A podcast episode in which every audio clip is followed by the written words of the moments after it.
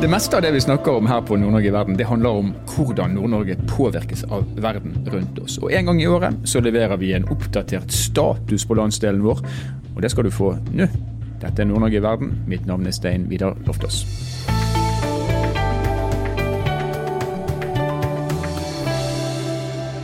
Konjunkturbarometeret for Nord-Norge har vi i Sparebanken Nord-Norge produsert hvert år siden 1995. Og Årets utgave den er levert av eh, KPB i Bodø. Og en av de som har eh, forfatta årets konjunkturbarometer, er Rune Finnsveen. Han er seniorrådgiver hos nettopp KPB, og nå er han med oss her på Nord-Norge i verden. Hjertelig velkommen, Rune.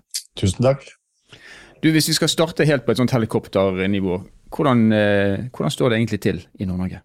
Ja, etter flere år med veldig høy aktivitet i økonomien, og noe som også vistes på mangel på arbeidskraft, så vil vi nå sannsynligvis gå inn i en periode med litt eh, høyere arbeidsledighet og lavere aktivitet som følge av den prisveksten og renteøkningen som alle kjenner til.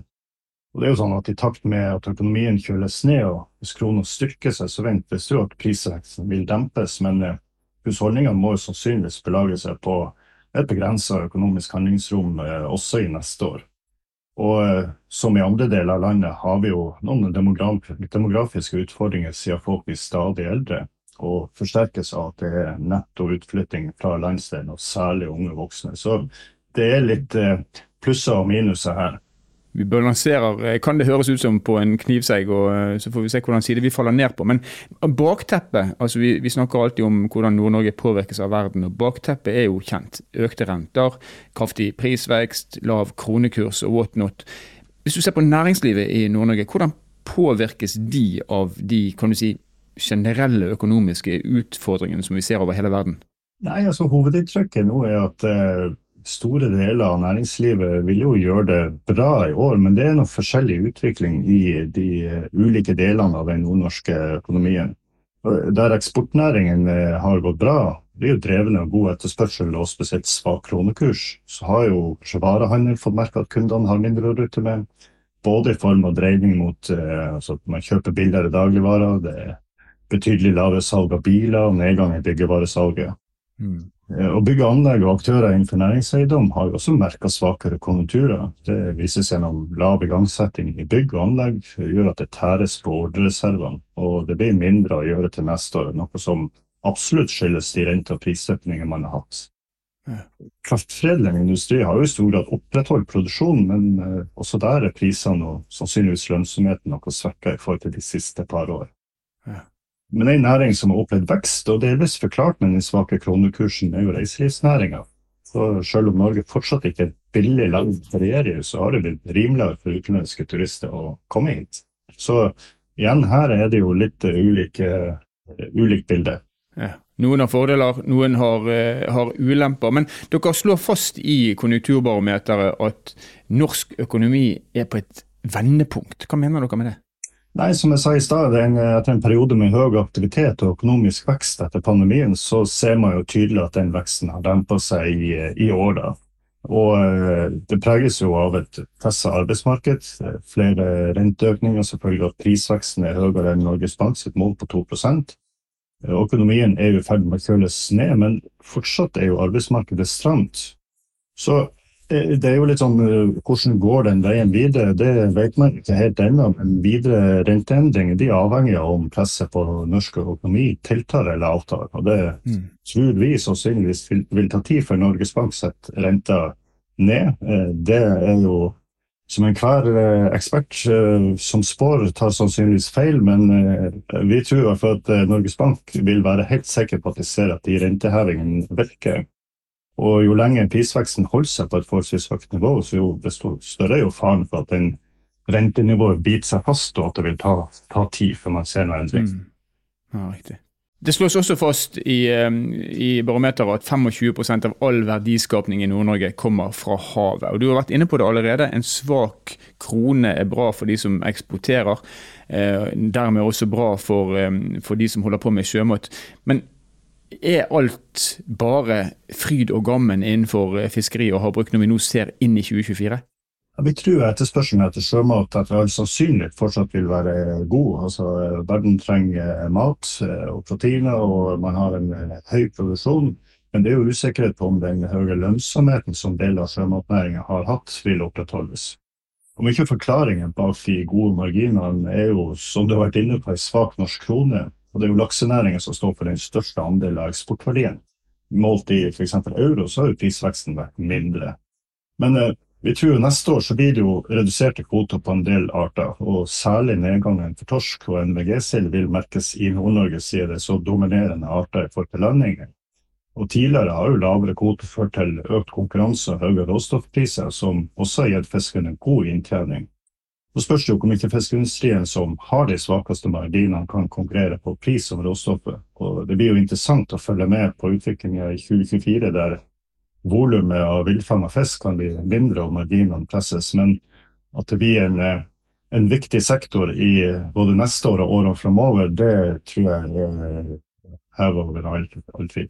Så legger vi til for sikkerhets skyld eh, at NVG-sild er altså norsk vårytende sild, for de som ønsker å nerde ordentlig på fisk. Men jeg må spørre deg om havbruksnæringen også, eh, Rune. For du nevner laksenæringen, og den er blitt eh, en stor og viktig del av av det vi eksporterer også fra Nord-Norge. Og så fikk vi grunnrenteskatten i fjor. Og det var en, en, en, iboende frykt om at det ville komme til å gå utover eh, investeringene eller investeringslysten, og kanskje da eh, ramme biomasseproduksjonen på lang sikt. Har, har vi sett noen konsekvenser av det? Jeg tror det man kan si per nå, er jo at man så en del utsettelser og en del usikkerhet blant aktørene, og, og kanskje har man eh, en del av uttalelsene som har vært, har vært, vært prega av det. Men eh, så ser det jo ut som at eh, investeringen eh, planlegges og vil komme til å gjennomføres, dog kanskje noe i, i mindre skala. Eh, så må jo de få lov å regne på hvordan denne nye skatten egentlig slår ut når man gjør opp regnskapet for 2023. Men eh, jeg oppfatter jo at fortsatt er jo eh, de nordnorske aktørene innenfor havbruksnæringa er jo opptatt av å opprettholde og gjerne øke produksjonen, og også ha den sysselsettinga lokalt. I og med at man også har en god del lokalt eierskap i, i vår landsdel. Riktig. En helt annen næring, og du var innom det når du snakker om eh, hvordan statusen er, eh, nemlig bygg- og anleggssektoren. det er jo en, Vi har omtalt det flere ganger her på Nord-Norge i verden at de eh, går ganske dystre dager i, i møte. Eh, slik som det er nå, næringslivet har mindre penger å bruke, private aktører har mindre penger mellom hendene, og vi ser at veldig mange byggeplaner legges på is. Og Parallelt med det her så har altså kostnadene til, til byggematerialer og også kostnadene til lønn økt. Eh, og det offentlige øker jo ikke sine investeringer tilsvarende for å dekke opp for, eh, for det som faller bort på privat side. Hva tenker, vi, hva tenker du og, eh, og, hva ser dere når det gjelder denne ganske store sektoren eh, for 2024? Ja, Det er rett som du det er jo en av de, de største private sektorene i sysselsetting. Og, og, det er jo lett å bli deprimert i forhold til den oppsummeringen du gir. Men for å ta det positivt først, så uh, tror vi at anleggssektoren får greit med arbeidet. Så de som holder på med infrastrukturprosjekter, både at det er igangsatt, men det vil komme nye. Det betyr jo veier, havner, trafostasjoner i forhold til forsterkning av strømnettet. Uh, man har et par store flyplassprosjekter, og så er det jo selvfølgelig en rekke pågående vann- og avløpsarbeider som uh, kommunene har ansvar for, som er eksempel på slik type aktivitet. Men jeg vil tro at den eh, byggenæringa som oppfører bygg, og om det er boliger eller eh, næringsbygg, vil få det tøft. Det er jo færre igangsettelser så, så langt i år, og det er jo lavere enn de ti siste årene. Og det er jo spesielt boligbygginga som stopper opp, Likt som i hele landet, men eh, det har jo en klar sammenheng med rente- og prisveksten i Norge. Og så er det jo også lavere igangsetting av uh, nye næringsbygg der uh, de begrenser offentlige budsjettene som du er inne på, bidrar til at uh, færre prosjekter settes i gang, eller penger må brukes på, på færre ting. Og i sum betyr det at byggenæringa per i dag tærer på ordrereservene. Så er det jo sånn at Man ser jo ikke noe særlig dramatisk endring i f.eks. konkurstallene. sånn at Det er ikke noe bekymringsfullt på det ennå. Men vi ser jo tendenser til at bedriftene prøver å holde på arbeidskrafta siden det har vært vanskelig å rekruttere den fagkompetansen i mange år. Eh, vi tror jo sånn I sum så vil jo aktiviteten i bygg- og anleggsnæringen gå ned i 2024. Så er det selvfølgelig en, eh, en iboende fare for at konkurser vil føre til at uh, fag personellet forsvinner og om boligbyggingen tar seg opp igjen. og Det vil jo gjøre før eller siden. Så vil vi ha et vakuum med, med kompetanse. så der, der, skal vi følge nøye med på hvordan utviklingen der blir, og håper at det retter seg om ikke altfor lenge. Men eh, en annen næring som du òg var inne på i innledningen her, nemlig reiselivsnæringen, eh, som er blitt ganske viktig for Nord-Norge. fordi at det bl.a. sysselsetter over 20 000 mennesker. De fikk seg ordentlig, et ordentlig skudd for baugen under pandemien, når ingen fikk lov til å besøke landet vårt. Hvordan ser det ut for de eh, i dag, og hvordan eh, tenker du det kommer til å bli fremover for reiselivsnæringen? Ja, De siste tallene som vi eh, fikk nylig fra SSB, viser at det var flere overnattinger på f.eks. hotell og campingplasser lignende i årets sommersesong, som strekker seg fram til og med oktober. Og Det er jo sammenlignet med fjoråret, men det er faktisk det beste året siden 2016, som er så langt tilbake statistikken går. En god del av det skyldes økt trafikk fra utlandet, hvor den svake kronekursen har spilt en rolle. Eh, litt trangere økonomi i norske husholdninger og begrensa flykapasitet, høyere priser på fly, det kan jo samtidig ha ført til noen færre besøkende fra resten av landet til eh, Nord-Norge i sommersesongen. Men eh, sammenlignet med 2022 så har det jo også vært en vekst i ankomst av cruisefartøy i år. Eh, det gjelder i alle landets måneder. Eh, det har økt med om lag 200 000 i passasjerantall og Troms og Finnmark er jo det tredje største cruisefylket i landet målt i ankomster. Mm. Og så er jo Troms og Nordkapp de eh, kommunene som skyr seg klart ut som de største i forhold til ankomster, med Alta, Vestvågøy, Vågan og Narvik neste.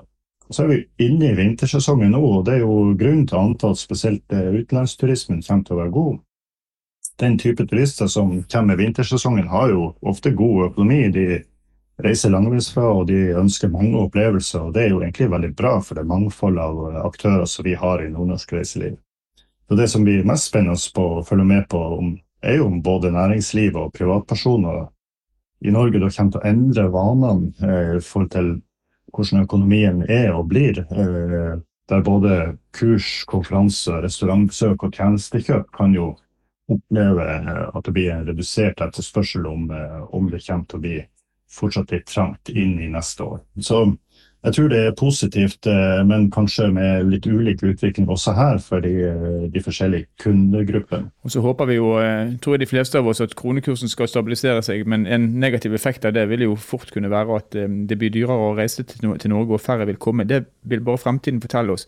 Men eh, du sier at, og Konjunkturbarometeret slår også fast det at det er sommerturismen som er den største, selv om mange av oss kanskje forledes til å tro at det er nordlysturismen som er størst. Det, er faktisk kun Tromsø i nord som har flere turister om vinteren enn eh, på sommeren. Er det realistisk å se for seg at vi klarer å øke tilstrømningen av ressurser i det som da må beskrives som lavsesong for, eh, for Nord-Norge som sådan, for å kunne kanskje få enda høyere marginer ut fra denne næringen? Ja, Det er viktig å si først at uh, Tromsø har jo også en veldig stor andel uh, turister om sommeren, så de er jo en, en stor motor i reiselivsnæringa i Nord-Norge. Men uh, jeg tror helt sikkert det er rom for å øke den vinterturismen flere steder i Nord-Norge som, som, har delvis den type aktivitet og tilrettelegger for det i, dag. Men det vil også kunne bidra til å utvide den aktiviteten som du sier, eh, på skuldersesongene. Og eh, man kan da forhåpentligvis få til flere, flere helårige arbeidsplasser som selvfølgelig bidrar positivt til de kommunene eh, hvis folk bosetter seg der. Så pågår det jo samtidig en diskusjon om hva som er bærekraftig, hvilken type turister vi ønsker oss. Jeg opplever at næringa gjør en rekke tiltak som også ble presentert på Agenda Nord-Norge i november i det ligger jo en diskusjon om uh, turistskatt, men foreløpig er det ikke landa noen løsninger som kan testes ut. Uh, og det er jo mer et sånn politisk uh, spørsmål, sånn som det står i dag. Men at det, at det er rom for å bruke det, den infrastrukturen og den kompetansen som er bygd opp, for å kunne lage det til enda bedre næring og sysselsette flere over lengre tid, som jeg tror kan bidra positivt også i, kommune, eh, i kommunene i landsdelen. Det, det er det rom for, absolutt. Så skal vi snakke litt om eh, kommuner og kommuneøkonomi, som selvfølgelig også er viktig for, eh, for en, en, landsdel med spredt bosetning.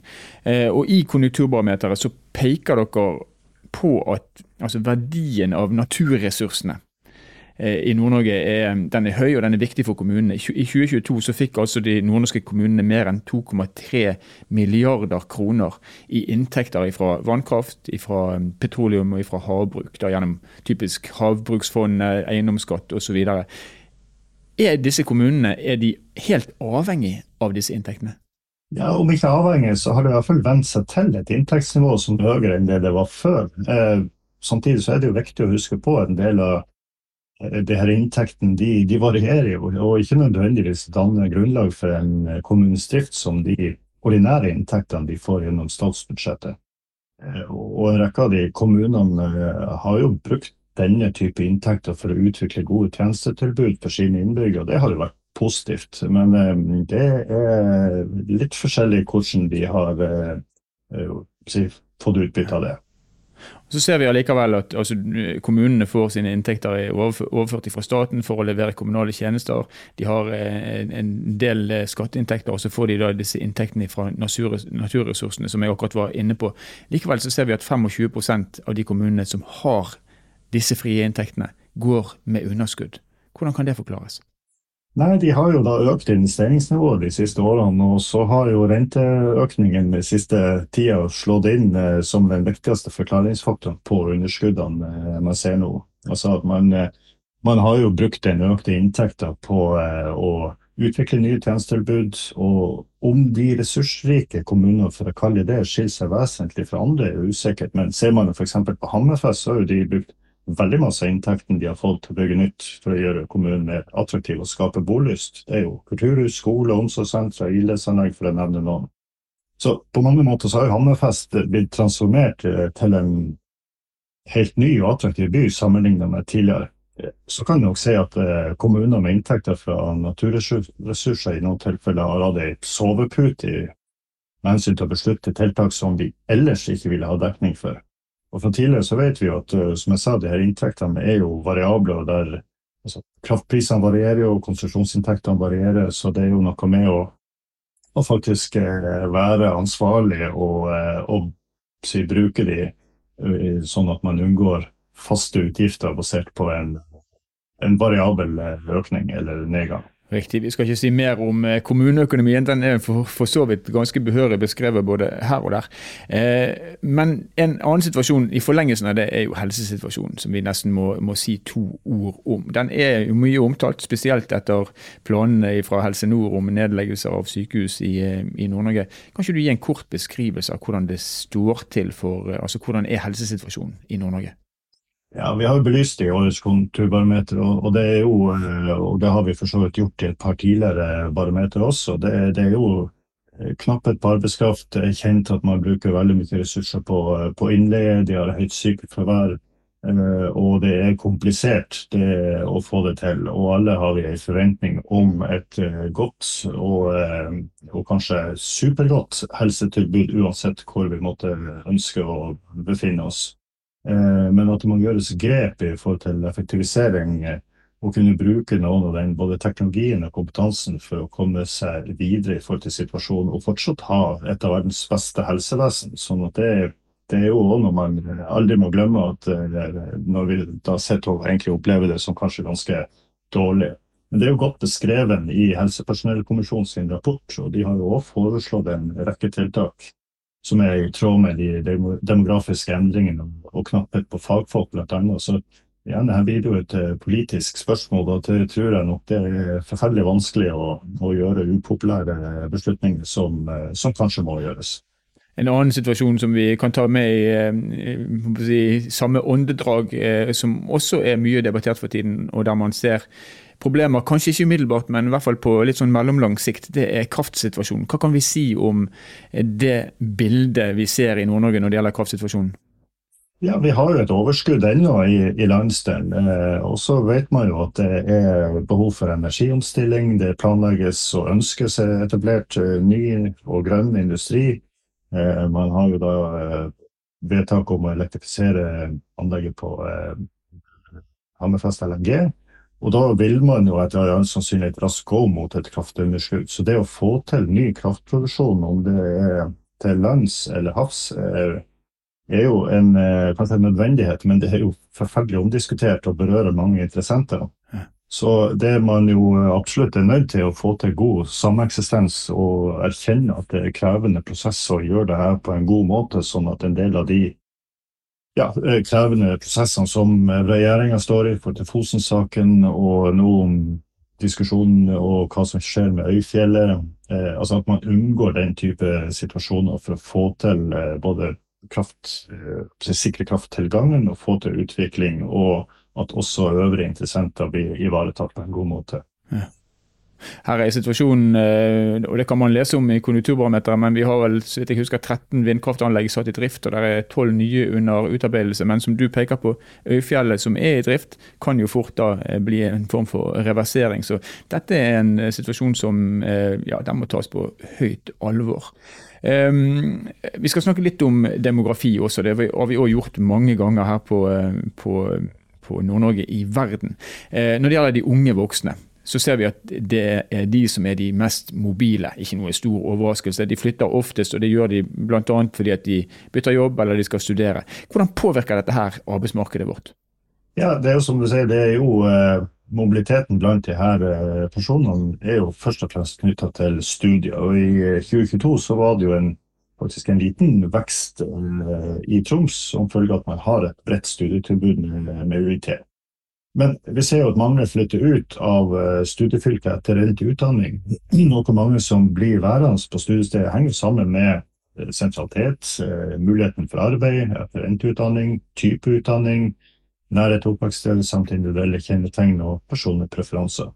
Så noen av de som flytter på seg, de drar jo tilbake til hjemfylket og bidrar dermed positivt til arbeidsmarkedet der. Men i 2022 så var det jo allikevel en netto utflytting fra Nord-Norge, og mange av de unge voksne som eh, sannsynligvis har funnet seg interessante jobber andre steder i landet. sånn at det, det, er viktig å ha både utdanningstilbud og jobbtilbud, eh, enten ved studiestedet og, eller og det gjelder ikke bare høyere utdanning, men også fagutdanning og andre eller at man har relevante jobber der folk ønsker om de kommer, kommer hjem til sitt opprinnelige hjemsted.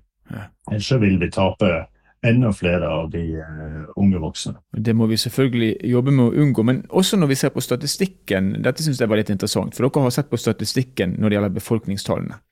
Eh, og Det nevnes at spesielt studenter som flytter fra hjemkommunen, de melder ikke flytting. Ergo så blir de på en måte talt opp som, eh, som, unge borgere i en kommune der de egentlig ikke bor. Den kommunen de bor i, det er plassen der universitetet finnes eller høyskolen finnes. Der telles de heller ikke med, fordi at eh, de har ikke meldt denne flyttingen. Hva omfang snakker vi om her eh, når det gjelder tall, og hva, hva har det å si, altså hva økonomiske konsekvenser har det for, for Nord-Norge? Ja, og Det er jo interessant, fordi at en kommune som har f.eks. Tromsø, som har flest eh, bosatte, men ikke folkeregistrerte studenter har jo også et ansvar for å ha tjenestetilbud etter den faktiske befolkninga. Eh, og det er jo snakk om i underkant av 4000 flere bosatte enn folkeregistrerte i henholdsvis eh, Troms og Bodø. Ja. Og for de øvrige kommunene i landsdelen så var det jo over 5000 personer som var bosatt i en annen kommune enn den de er folkeregistrert i. Så det, det har jo noe å si hvordan en kommune skal planlegge tjenestetilbud og infrastruktur, samt selvfølgelig da en økonomisk dimensjon. For det er jo et innbyggertilskudd på ja, 28 000 kroner per innbygger eh, er jo basisen, og så har jo de nordnorske fylkene ulik størrelse på distriktstilskuddet. Så det har jo med, med andre ord en negativ eller positiv økonomisk eh, konsekvens for de kommunene det gjelder. Avhengig av som jeg sa, om de må tilby tjenester for flere eller færre innbyggere enn det som er registrert. Men eh, så er det jo litt interessant. Det er jo ulike lokketilbud i flere av landets kommuner. og Bodø er jo en av de som eh, prøvde seg for å få studenter til å melde flytting. og Det er jo eh, fyr i kommentarfeltene med en gang. Det er jo kritikk, og eh, man ønsker jo eh, å beholde de, de, innbyggerne man har.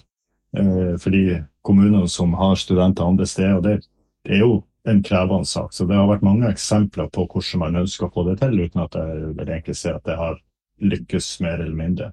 Men for små kommuner så har det selvfølgelig en en økonomisk dimensjon. Og så vet vi jo heller ikke om, når de er ferdige å studere, om de da flytter hjem. Sånn at uh, alle kostnadene som en for å si sånn, kommune har tatt før de blir student, uh, at de får en, uh, en positiv gevinst av det med hjemkommende personer. Men Da er det faktisk slik at eh, kommuner, små kommuner som kanskje allerede går med underskudd, de får penger for å opprettholde et tjenestetilbud for mennesker som faktisk ikke bor i kommunen. Det er, mm, ja, her er det konsekvenser man må langt ned i detaljene for å, for å klare å kartlegge. Eh, Rune, helt til slutt, og jeg vet at du hater å være spåmann, sånn som alle forskere. Dere liker best å snakke om situasjonen her og nå. Eh, men det du vet, og det du ser, og dette har du gjort over flere år. Eh, hvor optimistisk er du for, eh, ja, for 2024, eller for den nære fremtiden i Nord-Norge? Ja, eh, vi har jo prøvd å spå litt i år, og det, det, er faktisk litt artig. fordi det, Man må jo prøve å være litt fremoverskuende, og eh, det er jo ingen som får rett på alt. Men vi tror det blir krevende i 2024. og Dessverre, som før, så vil nok situasjonen merkes best for de som er dårligst stilt. Vi tror fortsatt at det blir et uh, veldig godt arbeidsmarked, det skal man ikke glemme. Men at hver og en av oss får uh, mindre å rutte med. Uh, det er jo egentlig på mange måter en villere utvikling for Norges Banks side. Vi ser jo at det tar tid for folk å omstille privatøkonomien til en ny hverdag. Det trenger ikke å bety at det blir så mye verre for de fleste, men kanskje at vi prioriterer annerledes. Og hvordan det vil slå ut i næringslivet, det er avhengig av om tilstramminger skjer gradvis, om klarer å tilpasse seg til norsk og til norsk økonomi er tilbake til en sånn mer, mer normal eh, aktivitet. Og vi tror ikke normalen er den høye veksten man har hatt eh, sånn like etter pandemien, men at det er mer som tidligere. Og vi tror jo da at eh, enkelte bransjer vil få det tøffere enn andre som vi har nevnt. Byggevare, dagligvare, eller ikke byggevare, byggenæringa og dagligvarehandelen. Samtidig så skal man ikke undervurdere evnen til å komme seg gjennom en situasjon som vi egentlig ikke har opplevd på veldig mange år.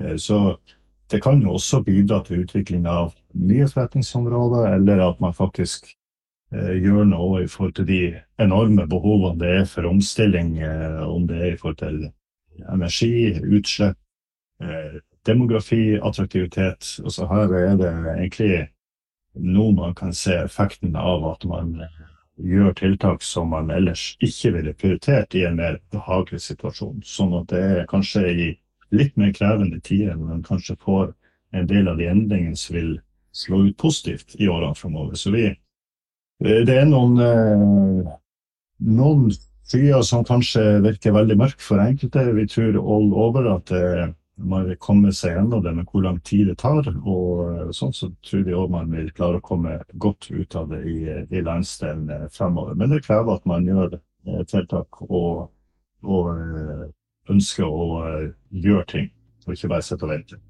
Skal vi si betinga optimist? Ja, det kan du si. Da lar vi det være siste kommentaren. Rune Finnsveen, senior rådgiver ved KPB i Bodø, tusen takk for at du kunne være med oss som betinga optimist. Takk. Det ble mange temaer eh, på en gang, eh, men et relativt eh, tydelig og godt bilde av hvordan situasjonen er i Nord-Norge, og hvordan vi tror situasjonen kommer til å være inn i 2024. Og så kan man, Hvis man hører litt imellom linjene, hvis man klarer det på en podkast, så er jo situasjonen den er egentlig alt annet enn rosenrød. Det er ting som trengs å gjøres noe med. Vi har kartsituasjonen, vi har omtalt den før. Det er ikke krise nå, det kommer til å bli krise om ikke så veldig mange år hvis ikke vi får farten opp. Vi har en helsesituasjon som akkurat her og nå er god, som Rune sier. Vi har et av de aller beste helsetilbudene i verden. Men med alle strukturelle endringer som antakelig må gjøres, så kommer situasjonen til å se helt annerledes ut. Og så har vi en rekke nordnorske kommuner, jeg tror det er 80 i tall, som egentlig driver med underskudd, til tross for at de har høye inntekter. Likevel så klarer ikke de å levere et høyt nok tjenestetilbud. De baserer inntektene sine på folk som faktisk ikke bor der, for de har flyttet til byene eh, i Nord-Norge eller for den saks skyld andre steder i, i verden. Og så har vi eh, vår store eksportkilde i Nord-Norge, fisk og havbruk, som leverer kjempegode resultater, men det er drevet av at eh, kronen vår er veldig lav. Skulle kronen, kronekursen styrke seg, så vil disse her inntektene her eh, se helt annerledes ut. Kanskje kommer ikke vi lenger til å være konkurransedyktige. Og så har vi sykdomssituasjonen og whatnot. Nå hørtes jeg kjempemørk ut, men eh, vi må få et reelt bilde for å skape det som eh, ja, mange kaller en brennende plattform eller need for change. Det går bra nå, men vi må ikke sovne på vakt, for det kommer ikke til å gå bra om en liten stund hvis vi gjør det. Nord-Norge Verden er en podkastserie som er produsert av Sparebank1 Nord-Norge i samarbeid med Helt Digital. Musikken du har hørt er laga av Emil Karlsen. Mitt navn er Stein Vidar Loftaas. Vi høres igjen i neste episode.